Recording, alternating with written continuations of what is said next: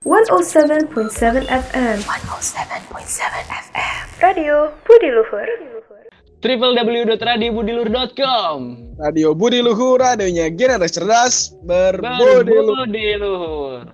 Halo warga kampus, Radio Night. Kembali menemani warga kampus nih spesial di malam minggu mulai dari jam 7 sampai jam 9 malam nanti warga kampus Yo Idrangga apa baru aja kita siaran lagi karena seminggu kemarin kita libur karena lagi lebaran kita tuh kemarin.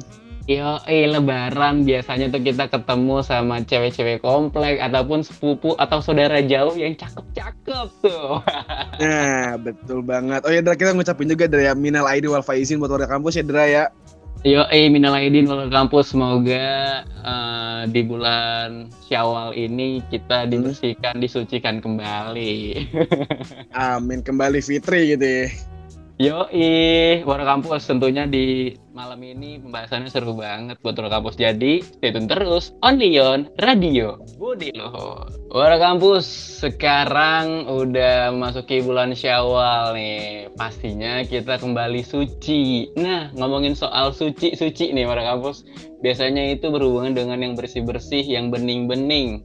Sama hal ya kayak kemarin kita ketemu sama cewek-cewek komplek yang bersih-bersih, yang bening-bening biasanya kalau kita ngelihat cewek-cewek komplek yang bening-bening dan bersih-bersih kita tuh jadi tertarik. Kalau tertarik pasti kita deketin tuh, Van. iya, bener dah. Ini namanya bening-bening itu selalu apa ya, menggugah selera untuk PDKT ya gerak-gerak gerak pepe tipis lah ya namanya juga tetangga gitu kan Iya, eh biasanya tetangga-tetangga baru yang jarang banget kita lihat tiba-tiba nih misalnya ketemu bisa kali nomor HP-nya. Iya, nomor yeah. HP. Dari nomor HP, dari nomor HP mulai deh tuh pendekatan-pendekatan. Nah, si pendekatan-pendekatan itu, Pan, yang seru banget kayaknya. Nah, itu yang namanya pendekatan itu selalu seru, Dra, karena selalu dibuhi dengan uh, suatu hal yang nggak terduga. Bisa jadi lu tahu hal yang uh, menyenangkan atau mungkin ternyata gebetan lo ini punya sesuatu hal yang mengejutkan tapi ini macam-macam dan gue yakin warga kampus juga relate lah dengan pembahasan malam ini. Betul banget. Jadi buat warga kampus yang mau sharing-sharing tentang pendekatan, bisa langsung aja mention di Twitter kita at Radio Budi Luhur pendekatan atau PDKT warga kampus. Biasanya ini selalu ngasih sensasi seneng, optimis, bahagia buat siapa pun yang ngerasainnya. Kenapa? Yeah. Karena ketika kita PDKT, Dra, kita tuh selalu okay. disuguhkan dengan hal-hal yang baru. Kita tuh jadi pengen tahu satu hal yang baru dan biasanya cenderung kalau kita lagi PDKT itu selalu ada warna-warni dalam hidup. Jadi tiap hari tuh ada aja gitu motivasinya, Dra ya. Iya, karena kalau kita zaman zamannya PDKT itu kita masih belum tahu nih, belum memahami sifat-sifatnya orang yang kita PDKT-in. Misalnya, dia orangnya hmm. random, suka gabut, ya kan? Itu cewek-cewek atau cowok-cowok yang kayak gitu tuh tidak diduga-duga. Atau misalnya cewek atau cowok yang kita PDKT ini tuh orangnya suka makan, suka kulineran. Itu seru banget tuh. Misalnya kita pakai DKT kayak gitu, ya kan? Terus obrolannya jadi lebih asik lagi, lebih variatif lagi, Van. Nah betul banget Dra. Nah karena kita nemuin uh, sosok yang baru gitu dengan karakter yang baru biasanya Dra uh, seseorang gitu cenderung buat lebih uh, punya resolusi baru tiap harinya Dra. Jadi tuh kreatif gitu Dra. Ada aja pengen buat spesial gitu tiap hari karena ya, ya gimana pun juga namanya PDKT pengen ngasih kesan terbaik kan ke gebetannya supaya lulus meloncor dapet kan jadi jadian gitu.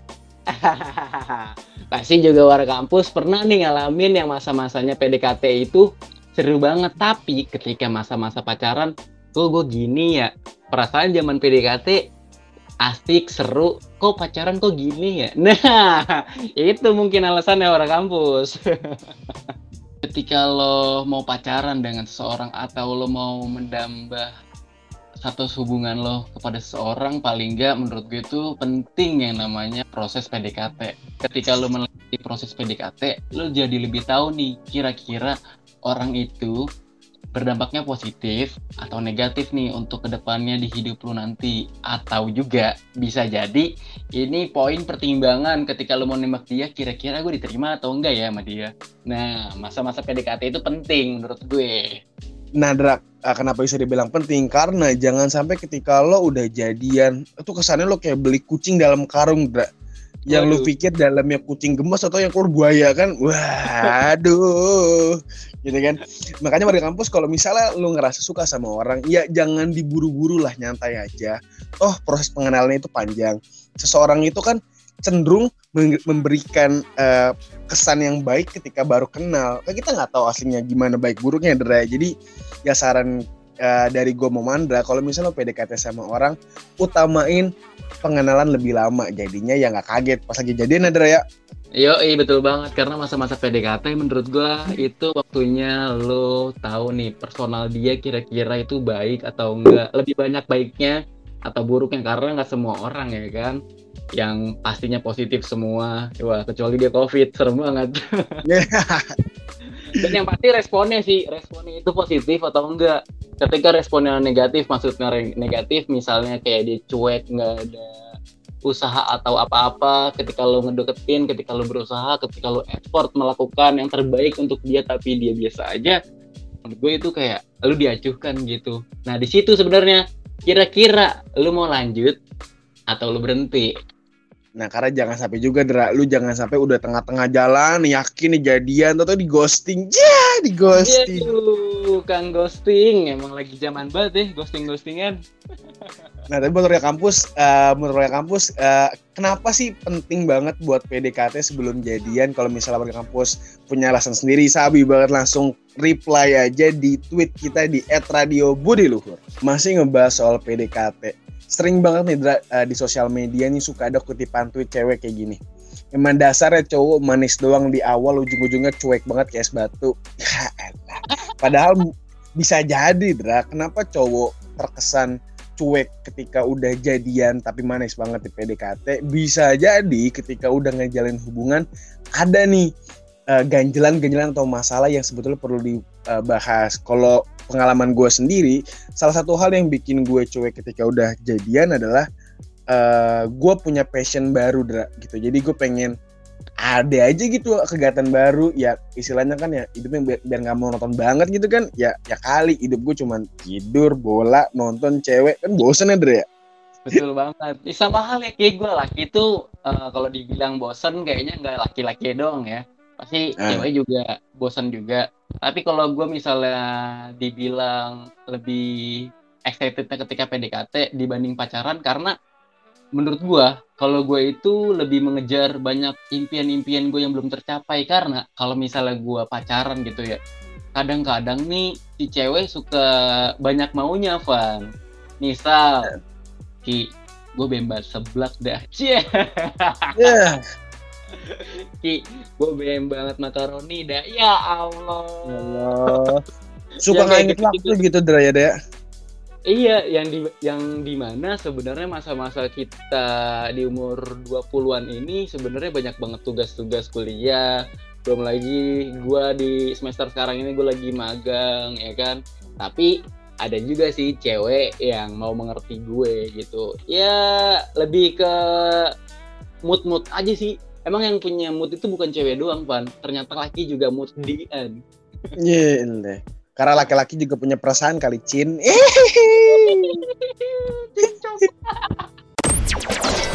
Hai warga kampus, dengerin terus siaran Radio Budi Luhur hanya di www.radiobudiluhur.com.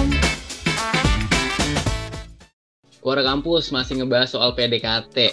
Makin dewasa, PDKT itu makin susah bahkan sebenarnya bukan susah sih lebih ke kira-kira kita masih ada waktu gak ya untuk menghabiskan waktu mengenal orang itu gitu. Ya walaupun menurut gue PDKT itu hal yang penting untuk lo uh, melanjuti ke hubungan yang lebih serius. Misalnya dari lo PDKT tiba-tiba lo mau langsung ngajakin ta'aruf tuh. Menurut gue PDKT tetap hal yang penting.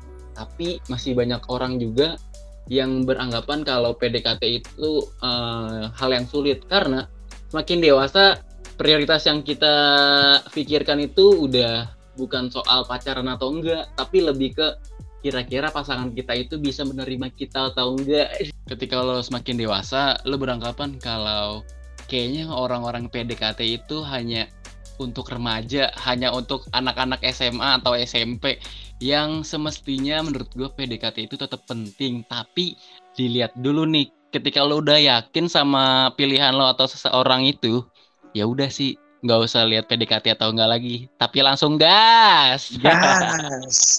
Intinya memang ya struggle ketika menjadi dewasa itu ya membagi waktu biar baik untuk kerjaan maupun PDKT Dra ya. Betul banget kayak kayak ini Dra kayak kata Nadine Namiza ada di lagunya. Pun hidup berjalan seperti bakeko bakeko bakeko ciluk ba dong ciluk ba www.radiobediluhur.com Radio Budi Luhur, radionya generasi cerdas. Berbudi Luhur, warna kampus sekarang Radionet sudah memasuki segmen What Happened on This Day. Jadi, yeah. warna kampus Radionet mau ngasih berita-berita yang ada di minggu ini. Beritanya ada apa aja, Van? Nah, ada dua berita menarik nih, Dra. Karena pada tanggal 20 Mei hari ini diperingati sebagai Hari Kebangkitan Nasional dan besok 21 Mei itu diperingati sebagai hari uh, lengsernya Bap almarhum Bapak Insinyur Soeharto dari jabatannya sebagai Presiden RI kedua. Betul banget. Penempatan Hari Kebangkitan Nasional merujuk pada tanggal berdirinya organisasi Budi Otomo yaitu tanggal 20 Mei 1908. Tahun ini tema peringatan 113 Hari Kebangkitan Nasional adalah bangkit. Kita bangsa yang tangguh, WD. Ini adalah tema yang menyemangatkan pada pemuda dan warga negara bangsa Indonesia, warga kampung. Yo, apalagi ini mengingatkan kita pada perjuangan para pemuda yang waktu pas zaman Pak Soeharto nih gencar-gencarnya banget buat nurunin neko, uh, nepotisme dan kejahatan dan ketidakadilan yang di uh, terapin Pak Soeharno ke negara kita, Dra. Jadi ya seenggaknya jadi reminder lah buat kita warga, uh, sebagai generasi muda tetap harus maju, bangkit, dan terus semangat ya, Dra. Betul banget. Jadi buat para rekan-rekan mahasiswa dan para aktivis yang sedang memperjuangkan keadilan dan hak asasi manusia, kita mendukung banget. Semoga suara kalian didengar dan semoga pemerintah Indonesia juga mendengar dan menerapkan apa yang kita inginkan. Amin terhadap warga kampus yang masih lebahan. Ayolah bangun kita tegakkan semangat seperti bambu runcing bukannya tiduran macam uh, terong balado. Oke warga kampus masih balik lagi sama gua dan Mandra di Radio Naik. Nah warga kampus kita sedikit roasting Mandra kali ya. roasting aku di roasting. Kita roasting kali-kali uh, penyiar kita. Nah warga kampus lo sering banget kan kalau misalnya lagi siaran nih ngedengar Mandra kode-kode cewek. Kadang cewek yang ini, kadang cewek yang itu. Itu sebetulnya simpel warga kampus karena Mandra gagal terus. Waduh, sebenarnya nih Van ya, bukan cewek nah. ini, cewek itu, ceweknya itu itu doang. Cuman gue cara pendekatannya aja mungkin yang salah. Nah, mungkin itu deh yang salah karena menurut gue mungkin ya warga kampus ya. Yang pertama, Drak, kenapa lu bisa salah? Karena bisa jadi standar lu terlalu tinggi, brother. Waduh, standar yang tinggi itu standar apa tuh? Thailand apa Thailand lokal? Eh, standar jalu kali ya, jadi tengah-tengah bisa nyuci steam bawah tuh. Kagak lah standar gue ya segitu segitu aja. Oh segitu segitu intinya, aja atau mungkin intinya dia baik aja. Intinya dia baik. Iya baik relatif buat buaya buat buaya tuh. Nah yang kedua bisa jadi Dra. Uh? Lu terlalu banyak mau Dra. Nah, kalau gue nggak banyak mau sih karena Enggak. gue orangnya apa adanya aja gitu, ceh gitu lagi. So jaim banget kayaknya nih. Mungkin ya bukan gue kali ini, mungkin uh, warga kampus yang perempuan mungkin ya bisa misalnya yang atau misalnya masih belum jadian ya. Misalnya manggilnya namanya Ki, Ki. Kita hmm. teleponan yuk. Misalnya gitu ya kan. Teleponan atau video call atau jalan yuk gabut banget nih di rumah padahal itu doi kita tuh yang kita kodein itu lagi hetik-hetiknya untuk mengejar masa depan. Cie. Iya lah, masa depan banget gak tuh. Atau mungkin Dra, ketika lo diajakin gak mau bisa jadi lo yang di PDKT atau dia yang lagi di PDKT-in itu insecure sama dirinya Dra. Ah, Allah sedih banget. Waduh, insecure emang penyakit yang rawan banget kambuh sih, Van. Yang terakhir menurut lo apa, Dra, yang paling fatal kalau PDKT bisa gagal? Yang menurut gue fatal adalah ketika lo itu baper gitu, gampang banget bapernya. Itu fatal banget sih. Padahal masih PDKT, tapi kalau udah baper aja gitu. Iya, ketawa lagi ketawa-ketawa langsung suka gitu ya, Dra ya. Yo, itu itu yang bahaya banget. Nah, makanya warga kampus kalau gebetan lagi bercanda itu tertawa, bukan jatuh cinta. Eh. Yeah. Bisa-bisanya ya Mas Elvan, Mas Elvan. Warga kampus masih ngebahas soal PDKT. Tadi kan sebelumnya kita udah ngebahas yang namanya PDKT itu gagal karena beberapa hal. Dan kali ini ada juga nih alasan kenapa wanita itu mudah banget baper saat PDKT. Yang pertama, karena wanita itu selalu menggunakan perasaan dibandingkan logika. Jadi kalau misalnya lu ngatain dia, misalnya lu ngehujat dia, atau misalnya lu mengapresiasi dia, dia itu bakal ngerasa banget gitu. Lu ngatain dia sesimpel atau sebecanda apa pun itu sebenarnya itu masuk ke hati, walaupun dia sebenarnya ketawa-tawa. Tapi dalam hatinya mah kita nggak tahu ya kan dia terluka atau tidak. Yeah. Tapi menurut lu Van, kenapa sih cewek itu mudah banget gitu baper pas lagi PDKT? Kenapa? Karena sering cerita jadinya nyaman, Ra. Ya namanya cewek itu kan hobi banget cerita ya. Dia kan kayak tol aktif gitu tuh. Apa aja diceritain. Nah, kita sebagai cowok biasanya ini sering ada nih. Nah, nemu tuh si cewek suka cerita cowoknya selalu ada nah biasanya cewek langsung ngerasa ih gila dia baik banget ih gila dia peduli banget sama gue nah di situ biasanya baper kalau menurut gue gitu dah Oh, jadi intinya ketika rasa nyaman itu ada, ya kan, cewek nah. itu kan baper. Apalagi nih, cewek itu kan hmm? yang gue tau tuh gampang banget, ya namanya nyaman sama seorang ya, walaupun sebenarnya nggak tahu gitu nyatanya kayak gimana. Teman berdasarkan teman-teman yang gue cerita gitu, teman-teman gue yang cewek cerita itu katanya tuh dia gampang banget nyaman, sampai-sampai dia itu nyaman banget cerita ke gue. Atau alasan yang menurut gue paling konkret adalah cewek itu lebih peka gitu. Jadi misal lalu kode-kode kayak gimana itu cewek itu gampang banget pekanya dibandingkan ketika cewek itu ngode-ngode ke cowok. Cowok itu kadang-kadang tuh susah gitu pekanya. Makanya cowok itu paling gak suka dikode-kodein. Tapi kalau cewek itu ya perlulah kita kode-kode karena cowok kan kadang-kadang jaim juga ya kan nggak mau gitu terlihat kalau dia doang yang berjuang. Saking pekanya itu cewek, Dra, sinyal kepekaan cewek sama sinyal provider Telkomsel. Yo, kencangan sinyal cewek, Dra. Puh, ke mana aja masuk, Dra itu. ya warga kampus biarpun ketika lo lagi PDKT pengen banget ngasih yang terbaik bagi pasangan lo khususnya ingin memberikan citra positif dan uh, keyakinan ke pasangan lo bahwa lo bisa serius tapi warga kampus perlu ada lo uh, loh salah terbalik loh perlu ada eh salah perlu loh ada yang harus dibatasi dalam PDKT. Salah satunya adalah lo harus bisa membatasi ekspektasi lo terhadap pasangan lo karena bisa jadi apa yang lo pikirin ya nggak sesuai sama keadaannya. Jadi ya tetap sadar diri dan positive thinking tapi ya jangan tujuan juga. Kalau dari lo sendiri, menurut lo apa sih yang perlu dibatasi ketika lo PDKT sama orang? Ketika kita PDKT sama orang gitu ya ketika kita PDKT sama orang yang kita lagi idam-idamkan menurut gue tetap harus ada pembatasan. Karena misalnya kita terlalu banyak cerita soal personal diri kita sendiri kita nggak tahu gitu hati dia itu benar-benar bisa menjaga privasi kita atau enggak dan kita juga nggak yeah. tahu maksud dan tujuan dia itu untuk ngedeketin kita itu apa. Kita nggak tahu. Apalagi misalnya untuk orang-orang yang baru kenal ya itu lebih kayak lo harus lebih secure lagi pada diri lo karena um, menurut gue setiap orang itu punya pemikiran dan hati yang cepet banget untuk berubahnya. Bisa jadi hari ini dia baik. Bisa jadi dua jam kemudian dia baik. Bisa jadi tiga jam kemudiannya itu dia berubah jadi jahat ketika dia mendengar cerita-cerita dari teman terdekatnya dia tentang hal-hal negatif dari diri lo. Betul banget, Dra. Karena pada intinya jangan mudah percaya dan yakin pada suatu kondisi tertentu ya, Dra. Karena yang namanya manusia, lu bilang tadi, dah itu dinamis dan cepat bisa berubah. Jadi kalau misalnya lo ada suatu keadaan tertentu, ya tetap bersyukur tapi jangan juga terlena dan lu malah ya udah semuanya baik-baik aja dan lu tiba-tiba nggak siap dihadapi dengan kondisi yang berubah gitu ya Dra ya Betul banget karena kita juga nggak tahu nantinya dia benar-benar jadi milik kita atau enggak.